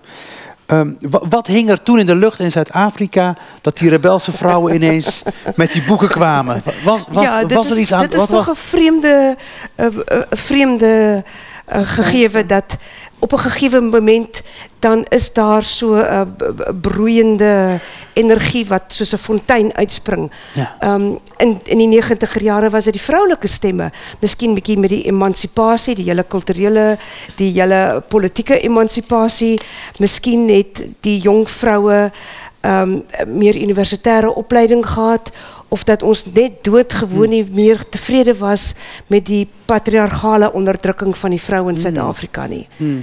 Ek ek ek kan dit nie heeltemal verklaar nie. Miskien is daar iets ehm Freudiaans daaraan verbonde, maar ek glo dat wanneer die tydsgees gereed is, dat daar altyd stemme soos 'n fontein na vore sal Ja. Na s- na bo sal kom. Ja. U wordt dan ook al vroeg vertaald naar het Nederlands. U komt dan hier naar Nederland. Ook, eh, de, eerste, de eerste keer dat u naar Nederland komt is op de feministische boekenbeurs. Ja. Ja, u bijzondere vrouwen ontmoet daar. Ja. Ja, Ja. ja oké, ja, dat zegt u met een glimlach. ja. maar, eh, dus, en ik hoorde ook een verhaal dat u, u had een interview gegeven op de radio. En er was iemand van een Haags advocatenkantoor Ja. die u had gehoord. en die had u uitgenodigd om een lezing te komen Ja. geven. Klopt dat? Ja, dit was so prettig. Dit was die landsadvokaat Dirk ten Hartog. Miskien sê dit tog vir u iets. En het, daar was 'n radio-interview met my en hy het my uitgewer opgebel en gesê: "My God, dit was Marika van Nijmegen wat oor die radio spreek." En dit my uitgenooi na die advokatenkantoor waar Ja. ek 'n lesing kom ja, gee het. ja. Ehm, eh, z- u zegt zelf ja, eh, ergens in een interview, wij hebben ook zo- eh, het, magische realisme wordt, ma, magische realisme als literaire stroming wordt heel erg toegeschreven aan Latijns-Amerika. Maar eigenlijk is het, is, is het iets wat ten diepste Zuid-Afrikaans Afrikaans is. Ja. W- Waarom zegt u dat? Um, ek is gefascineerd met die magiese realisme en die liriese poëtiese musiekpoësie van die Suid-Amerikaanse sjamaan. Ja. En terwyl ek die poësie bestudeer het van veral die vroulike sjamaan um, uit die uh, uit die oergebiede van Suid-Amerika, het dit net vir my so 'n dringendheid geword. In Suid-Afrika het ons al presies dieselfde elemente van botsende kulture van 'n nou verbintenis met die aarde met klanke wat wat vanuit vanuit die op die oergolwe aangekom ons is intens bewus van um, van plantegroei, van mythologiese gediertes wat rondswerf, die skimmige luiperd wat al ewig deur al ons drome swink en die magiese realisme is vir ons eintlik nie magies nie, vir ons is dit 'n realiteit. ja, ja. Ehm um, ook as jy te doen het met met verskeie kulture soos die Khoi kultuur en die Boesman kultuur en ek praat spesifiek van die Boesman kultuur, ehm um, is dat die dat die stemme van eeue praat mee en ons is intens bewus en Karen sal dit ook bevestig dat as jy stil kom en jy en jy luister, dan hoor jy die stemme wat deur die voorgeslagte vir jou fluister. En dit is magiese realisme in terme. Vir my is dit realisme. Mhm. Bent u een shamaan? Die sjamaan gaan in gesprek met die eeue. Ja. Ek beskou dit nie as 'n soort religieuse uh, uiting nie. Ek beskou dit as die gesprek met die hartklop van die eeue. Ja, mooi. Ja, prachtig. Ik, eh, ik, ik kom uit Marokko. Ja, iedereen in Marokko is shamaan. Eh, snapt u wat ik bedoel? Wat u nu vertelt over dat contact. Ja. Dat, dat als mensen beginnen te praten, dan is het, is het, gaat het over meer dan de som der delen. Het is Ja. nooit alleen maar dat water. Maar er is altijd, moet er ergens een zegen op worden gelegd. En, en, en, en eten is een medicijn. Hè? Als, Ja. Ja. En dan kom ek weer terug na Slonipa. Dit is respek vir dinge so eenvoudig Ja, water of moederskap of die gemeenskapheid van mense, 'n eenvoudige maaltyd dat jy besef waar dit vandaan kom en dat jy met innigheid respek daaraan toon. Dankjewel Karin. Uh, Brinaat, eh, even iets heel anders, maar toch ook wel weer ehm, eh, Zuid-Afrika en de, en, de, en, de, en de oorspronkelijke cultuur, de oorspronkelijke bevolking. U bent thrillerschrijver, eh, een nieuw genre aan de literaire boom. Eh, er komen ontzettend veel goede thrillers uit eh, Zuid-Afrika. Heeft u daar een verklaring voor? Ja, het is. eh, ik denk, eh, het is gewoon een, eh, een, een genre die eh, aan de bod kwam eh, post-apartheid. Want het was, eh, het was heel erg moeilijk om, om, eh, om een verhaal te, te vertellen vanuit het perspectief van een, van een Zuid-Afrikaanse apartheidspolitieagent. Ja. Want die was bij, bij voorbaat fout. Dat kon niet. Ja, ja. Maar ik, ik denk dat dit, eh, eh, dit veel te doen met gewoon die ema- emancipatie van, van die taal. Ehm, post, post 94 eh, was dit ook... het was een bevrijding van die taal, het was een bevrijding ook van die letterkunde, het was een eh, verbreding. Ja. En uh, van tevoren was uh, die Afrikaanse letterkunde was, uh, was tot een groot mate een, een wit, literaire, uh, elite um, uh, gemeenschap. En, uh, ja, en met, uh, met dem- democratie het, het, alles een klein beetje ontspan en het het uh, verbreed. En, um, en ik denk uh, ontspanningslectuur, uh, kwaliteit ontspanningslectuur het, meer um, gewild geraakt. En, en daarmee samen die genre, genre lectuur. Um, en, ja, en ik, ik zelf vind ik is eh, journalist van beroep, eh, was voor 30 jaar. Ja. En ehm met uh, politieke journalist en uh, met een ontzettende interesse in die, in die politiek, uh, die sociaal-maatschappelijke samenleving. En in Zuid-Afrika is dit nooit um, gewoon nie. Nee. Dit is uh, heel intricaat en en en spannend en interessant en dit is die droom van enige krimi-skrywer uh, uh, om in Suid-Afrika 'n 'n 'n 'n misdaadroman te skryf. Ja, ja. Uh, so dit was uh, Eigenlijk een, genre een misdaadroman in Zuid-Afrika is eigenlijk een gewone realistische roman. Ja, eigenlijk wel. Ja, Eigen- oké. Eigenlijk niet hoor. Eh, ja. Nee hoor, want dit is, eh, eh, ons moet ontzettend veel. Eh, want eh, ja, dit is, dit, is, eh, dit is werkelijk zo dat eh, als jij eh, op een goede dag die krant opslaan, dan is ik vele malen kijk ik naar een verhaal of een nieuwsbericht en dan denk ik van als ik dit zou schrijven in een eh, in Een thriller. eh, mis- Gelooft niemand het? Nee, ongelooflijk. Maar u gebruikt, u, u blijft natuurlijk een, u bent een jo- journalist in hart en nieren. U heeft alle grote evenementen eh, die, die, die de Zuid-Afrikaanse transitie, die heeft u beschreven. U heeft toch gekozen om thrillerschrijver te worden, maar u blijft wel heel geëngageerd. Want u, uw eerste thrillerroman gaat over de plaatsmoorden. Eh, de, de, de, de vermeende genocide tegen witte boeren. En in uw tweede roman ehm, eh, heeft u onderzoek gedaan naar de armoede van de San-gemeenschap in de Kalahari. Dat, dat, dat klopt, hè, wat ik zeg. En de corruptie binnen, binnen de Zuid-Afrikaanse politie. Ehm, ik, ik wil even inzoomen op die, die armoede van de San-gemeenschap in de Kalahari. Waarom, waarom daar? Waarom zocht u dat op? Ja, dit, is, eh, dit was eh, eigenlijk die derde roman, eh, Thuisland. Ehm, ik wou, dit was eigenlijk, was het begonnen als een, als een ehm, ehm, ik, was, ik woon op Stellenbosch. Stellenbosch met die universiteit, die Universiteit van Stellenbosch. die, een van die laatste Afrikaanstalige universiteiten. En eh, daar was een, een, een debat aan de gang van eh, Afrikaans als die voertaal van de universiteit. Wat moet verdwijnen en dat dit een, een eh, Engelstalige of een meerdertalige universiteit moet worden. En het was een ontzettende hete debat. Eh, met voor- en tegen stemmen. En ik dacht, eh, en van die tegenstemmen, die zei dat, dat dit, dit is die doodsklok voor Afrikaans. Dat als Afrikaans op van tertiaire instellings verdwijnt, dan verdwijnt dit ook eh, in, in die hogere scholen en dan is het die dood eh, van, die, van die taal. En, ik, en dit het mij, dit het mij, dit het mij aan die dink gesit oor hun taal. Ja. Wat gebeur als een gemeenschap een culturele ehm communicatiemiddel Is dat kwijtraken? kwijtraakt? Ja.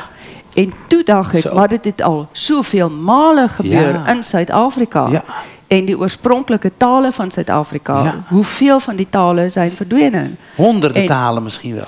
Nee, ik zou niet zeggen honderden, Tien. maar een, maar een stuk of eh, vijf, zes eh, die ik van weet. eh, ehm, eh, Dus dat dreef u naar de Kalahari-woestijn. ja, en ik, eh, ik eh, ben opgegroeid in, eh, eh, op die rand van die Kalahari-woestijn. Eh, so dit is een bekende area voor mij. En eh, die, eh die San-cultuur is een, is een ontzettende interessante cultuur. En waren ze open? En U, eh, kwam daar, u, u klopte op de deur, u vroeg om binnen te komen, om hun verhalen te horen. Ja, ik Waren ze eh, verrast?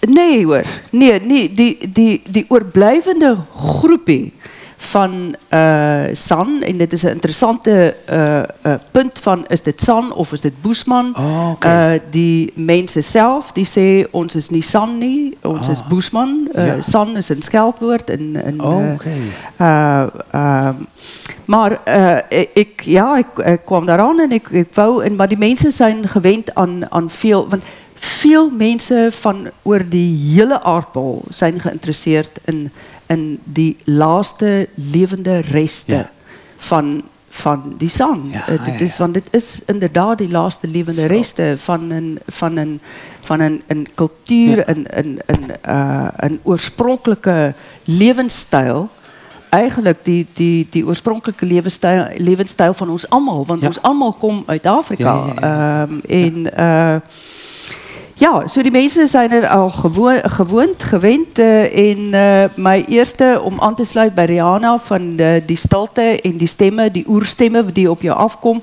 was eh, die eh leier. Hij is eh, sindsdien eh eh oorlede. Oom David Kruiper. Hij was die leier van die, die eh Tsomani San. En eh, ik eh, was bij hem om, om eh, onderzoek te doen. En eh, ik ontmoet hem op een duin in, in die woestijn. Eh, dit was zijn kantoor. Ik had een afspraak met hem. En, eh, ik kwam opdagen. En daar zaten wij op die duin. En helemaal in stilte.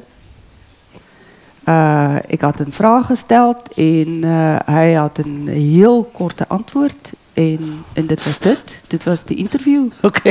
En eh, toen was het ook voorbij. En, en ik dacht van, eh, nou ja, wat nou? Ik heb eh, ik het urenlang oor duinen gerij om bij hem uit te komen. Dat was heel veel moeite. Ja, ja. 1500 kilometer plus nog Ja. deer duinen. Daar zit je dan. Op- Ja, het en dan zit ik antwoord. daar. Ja. En, en ik, ik, ik blijf maar zitten en hij blijft ook zitten. En eh, daar zaten wij in, eh, op, op die duin. Maar ineens, toen gebeurde het. Ik werd bewust van die wind. Hmm. Ik werd bewust van die reuken van die veld. Ik hoor die kleine insectjes in die boom, bokant ons, Ja. een eh, groot kameeldoringboom. Ja. Die stilte en ik hoorde die stemmen. Ik, ik, dit, was, dit was een soort van een, een stille prediking van oom David aan mij. Om eigenlijk aan mij te vertellen van dit is dit. Ja, ja, ja. Dit is die verhaal. Een extreme vorm van mindfulness in de Kalahari-woestijn. Ongelooflijk, ja. Geweldig. We, we moeten af gaan sluiten. We, gaan, we willen nog naar u beiden luisteren. Mevrouw Schepers, u, eh, eh, Rihanna. Stormkind eh, ehm, speelt zich af in een andere omgeving dan Zululand. Het toneel van je vroege verhalen. waar, bev- waar bevinden we ons nu? Wie zijn de oorspronkelijke bewoners van deze streek? En wat valt er over hun cultuur en leefwijze te vertellen? Eh, Zoveel. Ja, oké. ja, mijn vroegste verhalen komen uit Zululand. Ja. Ik als schrijver, als ik mij vertrouwd voel binnen een vertrouwde ruimte, Ja. dan kan ik schrijven. Ja. Ehm, dit, dit, jy kan 'n karakter in 'n ruimte sit, maar jy kan nie 'n ruimte in 'n karakter sit nie, glo ek. So eh, Stormkind speel af deels in die Karoo, die Tankwa Karoo, baie spesifieke gedeelte van die Karoo is pragtiger Karoo. Dis die Klipveld Karoo, Steneveld. Ehm dit speel ook af op 'n weiland 'n Bolandse wynplaas omdat ek daar ge, gewoon het. Ja. En dit speel ook gedeeltelik af in Ierland. En dit is drie ruimtes wat my heel vertroud is. Oké. En die en en al drie hierdie ruimtes ehm het magiese kwaliteite. Want ook Ierland het onwerklike mooi sprokies. Ah. Soos wat die Boesmans die mooiste sprokies Oké. ter wêreld het. En soos wat die uh, in die Bolandse uh, conglomeraat van van Nederlanders en Maleiers en Duitsers en Khoi en San en al die hele ou lekker hutspot, um, is daar ontsettend veel spooke. Oké. So, dit alles saam is die basis van Stormkind. We gaan luisteren. Goed. Graag. Ehm dit is die gedeelte Lekkie. En wat ek wil wil uitbeeld in die hoofstuk is die fyn fyn verhouding tussen 'n Boesman vrou, 'n ouer vrou wat met 'n jong kind in die in die veld stap. En hoe Lekkie, die ouer vrou, die jong kind leer om stil te bly en te kyk na die omgewing. Hulle stap deur die klipveld. Klein Letjie, ag klein Lien en Letjie stamboom. Lien se ma is gerus as Lien by Letjie is. Letjie stamboom is 'n vrou van die veld. Sy weet hoe om katvoet te loop vir slange en onheil. En Letjie het eindelose geduld met die kind wat nie tot rus kan kom in 'n huis nie. Lien gaan staan in die middel van 'n groot klomp legeenklippe. Die kliprose is groen en dik gespat oor al die klippe om haar. Verder aan is dit skoon. Dis net op hierdie kol dat die legeen op die klippe groei. Party legene is net 'n kolletjie, 'n kathandjie, 'n strale kransie of 'n druppeltjie op die skurwe klip. Ander klippe is geheel en al toegekors onder die legeen. Letjie, waar kom hierdie blomklippe vandaan? Hoekom lê hulle net hier en nie daar aan die kant nie? He he he, lag Letjie met haar mond met die min tande. Ek sê jou vanaand wys as jy na my toe kom. Maar sê nou Letjie, Kermlin. Dit sal niks help nie. Jy sal nie verstaan as ek jou nou sê nie. Vanaand as dit donker is, dan wys ek jou. Letjie. Maar Letjie stamboom steun haar niks. Sy neurie 'n val dientjie agter in haar keel. Hulle drentel deur die veld, tel hier en daar 'n klippie op, sit dit weer neer. Kyk Lien, hier groei 'n vet mensie. Lien kyk na die ronde plantjie wat Letjie vir haar wys. 'n Vet mensie? Ja, so lyk jy as jy te veel eet. Nes hierdie plantjie. En die een Letjie, die een wat soos 'n pennetjie orent staan? Dit is 'n koesnaaitjie. Hy kruip altyd weg. Mens sien hom nie aldag nie. As 'n meisiekind skaam is, dan sê ons sy's koesnaaitjie. Die veld is geil en uitbundig. Dit het die afgelope 2 maande goed gereën, amper 4 duim, elke nou en dan 'n duim of meer. Daar is nog nie blomme nie. Dit sal met die vroeglente kom. Nou is dit nog te koud. Daar is reeds kankerbos in die duiwelsklou wat kop uitsteek, maar hier en daar staan 'n gousblom al goudgeel uit tussen die ander vaal en groen bosse. Oor 'n maand is jou oë skoon seer van al die pers van die vygiebos. Letjie se oë speur oor die veld. Sy buik korkort, grawe 'n knolletjie uit met die skerp stok wat sy by haar het, breek hier en daar 'n takkie af, pluk 'n klompie sagte blare van die wilde salie wat in blom is. Dit alles kom in 'n velsakkie wat met 'n riempie om haar middel vasgebind is. Letjie, wat het jy alles in daardie sakkie? My pa sê dis jou toergoed. He he he, lag Letjie deur haar mintande, einste so. Wat toer jy? Dit wat nodig is om getoer te word. Mm. Sal jy my wys om te toer? Ja, as jy wil. Sal jy my vanaand leer? Nee, ek leer jou sommer nou terwyl ek loop. Jy moet net kyk wat ek doen en oplet en onthou. Lien nou vir Letjie fyn dop, maar sy sien niks toordery nie. Letjie neurie 'n ander wysie is nou. Karibos vir kanker en koors, sê sy terwyl sy 'n paar takkie karibos pluk. Kook en kook met water van die eerste winterreën.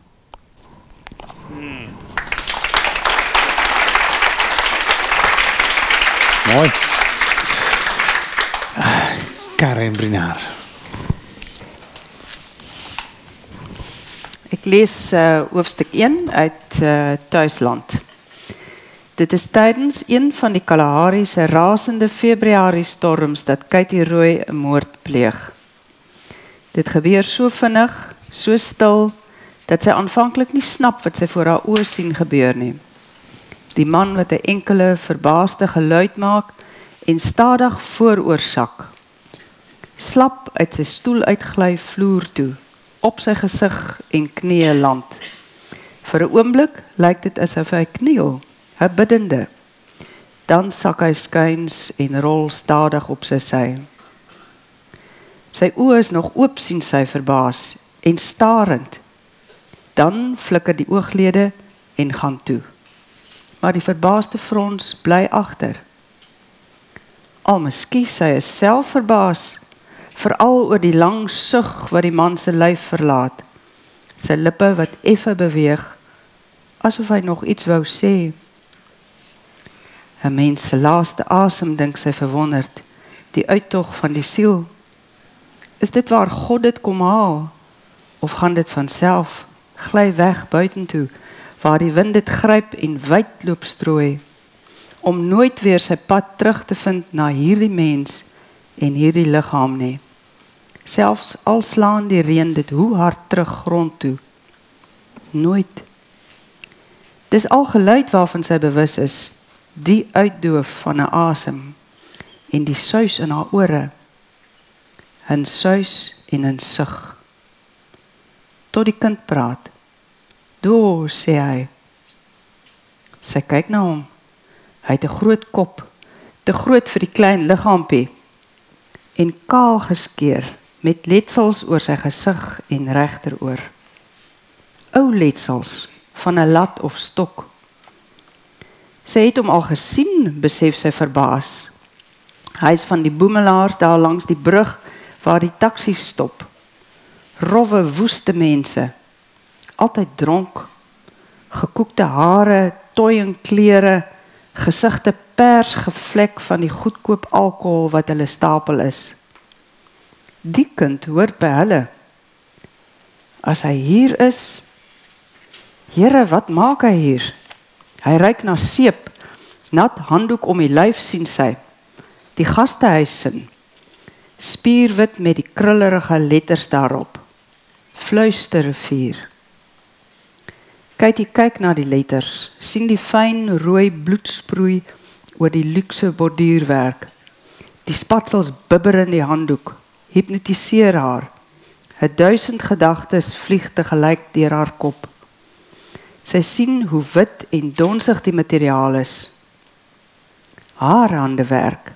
Sy wat kyk is, sy hou die wasgoed so wit, vryf die vlekke uit, die geel oorwas, die make-up en die ander goed.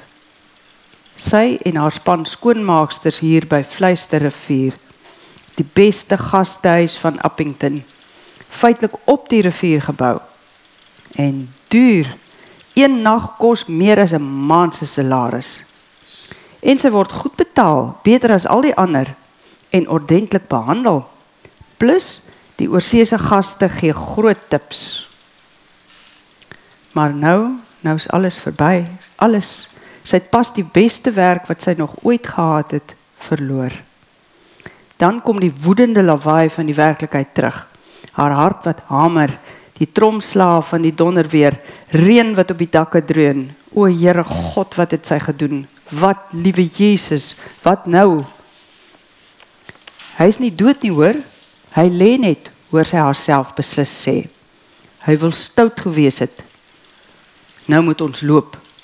Die kind se gesiggie is smal in die groot kaal kop. Buiten die letsels oor sy oor, oog en wang het hy omloop. Ek lees tot daar aan uh, hoofstuk 1 en dan 'n kort uh, stuk van ehm uh, later, veel later in die boek, hoofstuk 38. Dit is 'n uh, gedeelte van 'n karakter. Uh in in die uh in die boek, die karakter se naam is Seku. Seku se droom en die reënbul. Verlede nag het ek die reënbul gesien. Hy het in die skaduwee van die kameeldoringboom gestaan met sy spierwit voete. Hoe mooi is hy nie, ons reënbul.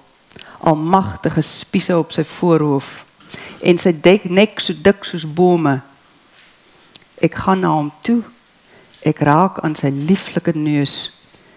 Ek ruik sy soete asem, smeer hom in met geurvolle boegoblare, met heuning uit die maan. Hy blaas op my hand en fluister in my oor. Vertel vir my die stories van die dinge wat ek moet weet. Geef vir my die kennisse. Leer vir my die skrif en taal dat ek die dinge van die nuwe wêreld sal kan lees, dit sal kan verstaan. Dit is die plek van nooit genoeg nie. Plek van die leë kalbas wat nooit nooit vol kan word nie. Die plek van die vergeet. Vergeet van wie jy is en van die aarde waaruit jy kom. Plek van die groot alleen. Wat sê die reënbal gebeur as die boesman sy plek moet verlaat? Hy sy geboorteplek vergeet. Sy siel gaan dood. Hy verloor die spoor terug na die voorvaders. Hy voel losgesny. Hy drywe verlore rond, dwaal en voel alleen. alleen, alleen so heeltemal alleen. Maar ek wat Seko is, ek wag vir die maan om terug te draai vir ons. Dat ons weer die pad voor ons voete sal sien. Die spoor weer terug sal vind. Ek luister vir die regte storie wat die reënboog vertel. Ek voel hoe die reënboog my naam in die wind sug. Hoe waai dit in my ore in? Gisteraand het ek die reënboog gesien. Hy vertel my van die dood. Die dood wat in die duine lê en bloei. Dit was tyd, sê die reënboog, dit was tyd. Tyd dat sy bloed dat dat die bloed van sy liggaam weer terugvloei na die see. Dat die aarde in sy gebeente sal terugkeer na die grond.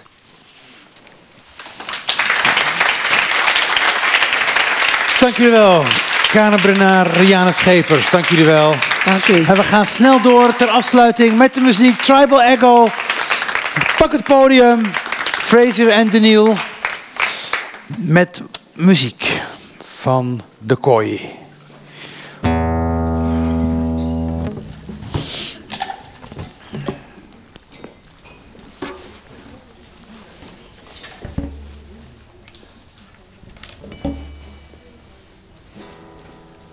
Ons sluit af met 'n gedigtoonsetting van Adam Small. Hierdie land. En ek vind hierdie gedig baie spesiaal omdat ek vir my is dit die nie amptelike volkslied van Suid-Afrika. Mm. Julle gaan verstaan hoekom ek so sê.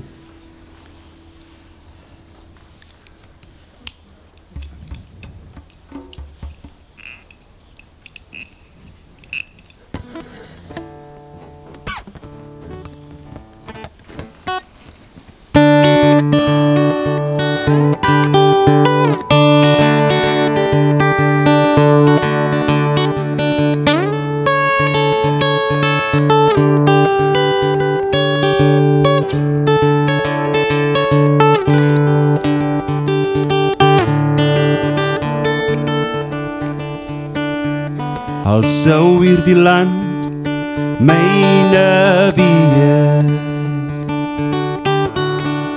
Met al sy rykdom maar die liefde ontbreek my. Dan is hierdie land myne. Net met sy arme En